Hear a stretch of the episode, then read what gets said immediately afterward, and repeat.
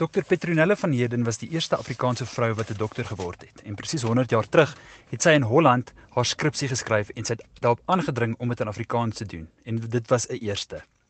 In haar lewe wat in 1887 begin het en in 1975 geëindig het, het sy net twee boeke geskryf. Die eerste boek, die 16de koppie, het ek al 'n paar voorlesings van gedoen en die ander boek se titel is Kers Snuitsels. 'n Kerssnytsel is iets wat wanneer daar tuisgemaakte kersse gemaak word en die punt begin uitbrand en flikker, dan sny jy hom af en daardie stukkies wat afgesny word, gooi jy in die vuur en dit word blykbaar 'n kerssnytsel genoem. 'n Woord wat ons glad nie meer gebruik nie, nê. Uit haar boek Kerssnytsels wat sy in 1961 geskryf het, skryf sy in die voorwoord en sy is baie uh, vermaaklik. Sy skryf: "Ek gaan terug na 'n verlede wat amper 'n 3 kwart eeu gelede begin het." Soos sy skryf hier in 1961 oor haar lewe wat in 1887 begin het. Sy sê: "Ek moet skryf soos ons toegepraat het, anders is dit nie werklikheid nie. Ek is 'n Vrystater en so was dit toe in die Vrystaat. Ons het 'n dubbel medium onderwys gehad, Nederlands en Engels. Nederlands was die offisiële taal. Dit gebruik jy vir skryf, toesprake en bid. Almal, ten minste almal met wie ek in aanraking gekom het, kon Engels praat, maar Afrikaans was ons spreektaal. Dit was 'n gevestigde taal, niemand het daaroor gepraat of gedink nie. Daar was geen sprake van 'n taalstryd nie en niemand het geweet van handhaaf en suiwer hou nie. Ons het nie die tale gemeng nie, maar dit was vir ons doodgewoon dat sekere woorde altyd Afrikaans was en ander weer altyd Engels. Kom nie daarop watter taal jy ook al praat nie. I want a huisie, sê jy as iemand 'n lemoen eet of give me a korreltjie as dit druiwe is. Ons het op 'n swing gery, 'n sash gedra en met 'n skipping rope gespring. As jy met 'n kind, as jy met 'n kind van sy lei en griffie gepraat het, sou hy jou nie verstaan het nie.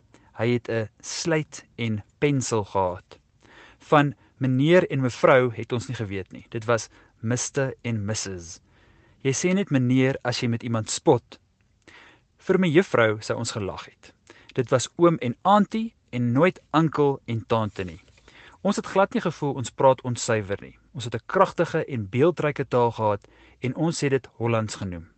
Daar was nie 'n ingewikkelde grammatika nie, ook nie sintetiese woorde wat in 'n bepaalde volgorde gebruik moet word en soms aan mekaar geskryf is dat 'n mens verplig is om hulle um weer los te torring om te weet waaroor dit nou eintlik gaan nie. Ek doen my bes, maar ek kry swaar want dit is nie eers bestendig nie. Ons het huis toe gegaan toe gaan die mense huis toe met 'n koppelteken tussen die huis en die toe. Nie te lank nie of hulle gaan huis toe in een woord geskryf en nou op die ou end gaan hulle weer huis toe, twee woorde. Ek verluister my aan die pragtige taal en woordeskat van die jong mense en veral van die kinders, maar dis nie regtig vir my my taal nie. Dit lyk soms asof iets eenvoudigs en kragtigs verlore gegaan het. Aan die ander kant, dalk voel die jong mense oor ons oues se taal soos die klein kind van 'n vriendin Sy sê vir die kereltjie, hy's omtrent 5 jaar oud. "Ag Boetie, draai tog vir ouma die pomp toe." Die kind kyk haar aan. Hy sê: "Ouma, jou Afrikaans is betreurenswaardig. Dis nie 'n pomp nie, dis 'n kraan." Wat spelling betref, het ek my soos 'n lam ter slagting gedooie probeer neerlê. Net een klein genade asseblief. Toe ek sowat 38 jaar gelede met spesiale verlof van die mediese fakulteit in Amsterdam my doktorale proefskrif in Afrikaans skrywe, het die taalgeleerdes onder andere Fransie Malherbe so hard en lawaaierig oor die spelling beklei dat my hospita gedreig het om my kamer hier op te sê. Ek het my toelaat ompraat om die meervoud van focus, die woord focus, met 'n K te spel. Daardie fokkie, F O K I, bederwe my hele proefskrif. Ek kan eenvoudig nie daarna kyk nie. Bietjie en kleintjie met 'n T J I E aan die einde het dieselfde effek op my. Hulle moet maar asseblief bietjie en kleintjie met 'n K I E aan die einde bly. Ek wil net noem dis amper soos Anton Goosen wie se outobiografie so jaar of 2 terug uitgegee is en hy verseg ook om gitaar met 'n K te spel. Hy spel hom met 'n G H, gitaar. En ek weet albei spellings is aanvaarbaar. Dis net so half gitaar met die K is vir ons meer bekend as die gitaar. Ek gaan aan by Petronella. As ek nou meneer en mevrou in plaas van Mr en Mrs moet skryf en al die Engelse woorde moet vertaal, dan is die beeld van my kinder daar nie eg nie. Die verantwoordelikheid vir alle foute wat ek volgens die nuwe reëls en regulasies maak, rus dus op my. Die skryfster Grootfontein Harry Smith 1961. In haar inleiding, dis ook kostelik, sê sy: As ek terugdink aan my wêreld as 'n klein kind, kom dit my voor as 'n soort geslote ruimte waarin ek sweef. Eers is die wêreld vol groot mense aan wie jy oorgelewer is. Hulle tel jou op en sit jou neer. Vat jou hier en vat jou daar, trek jou aan en uit en al wat jy kan doen is proteseer as dit te erg word. Langsamerhand kry die groot mense meer vorm. Jy ook. Ander kinders kom ook voor in jou wêreld, maar jy bly afgesonder en afsonderlik. So af en toe raak jy aan mekaar, maar dan skiet jy weg in jou eie rigting soos 'n biljartbal wat 'n ander tref. Die groot mense egter oorheers nie meer so die toneel nie. Jy vat jou eie koers. Tog moet jy met hulle rekening hou want hulle is nog in staat om dit te verander. Meestal is hulle onverklaarbaar. Jy weet nooit hoe hulle gaan reageer nie. As jy byvoorbeeld die oggend wakker word en jy is nie 'n dogtertjie 'n dogtertjie nie, maar 'n voeltjie, dan is dit tog logies dat jy aan die boom moet klim om op 'n tak te sit. As jy dan tot die uiterste end van die tak skuwe waar jou boom jou heerlik op en neer kan waai, kom hulle en sê jy is stout. Aan die ander kant weer is hulle nuttig. As jou afgesakte kous gevrommel op jou skoen lê, trek hulle dit op. As jou vlegsel losraak, keer hulle jou voor en vleg dit weer. Hulle tel jou op as jy val, druk 'n sakdoek voor jou neus en sê blaas, dan blaas jy. Hulle is 'n asiel, amper 'n soort gebou waarheen jy kan vlug. Jou wêreld word geheimsinnig en gevaarlik en die groot mense het geen benul daarvan nie. Hulle weet niks van die plekke waar jy met 'n draai moet loop en met 'n draai moet loop nie, anders verdwyn jy sommer. Ook nie van die end van die wêreld en die mensvreters en baie ander vreeslike dinge nie maar jy aanvaar hulle soos jy ander kinders en jou skoene en jou bed aanvaar. Jouself is al werklikheid. Net jammer, die groot mense het soveel seggenskap. Sy skryf dan skryf dan oor haar kinderjare. Hulle het vreeslik rondgetrek. Hulle het gebly op uh Filippolis, Jakobsdal. En dit is nou die tyd van haar geboorte tot so net voor die ehm um, Boereoorlog. Haar pa was die landdros op elke dorp gewoonlik. En toe die boereoorlog uitbreek, het hulle ook in in ehm um, laars gebly en hulle het gevlug. En op die ou end het hulle toe opgeëindig by familie in die Kaap kolonie op 'n plaas.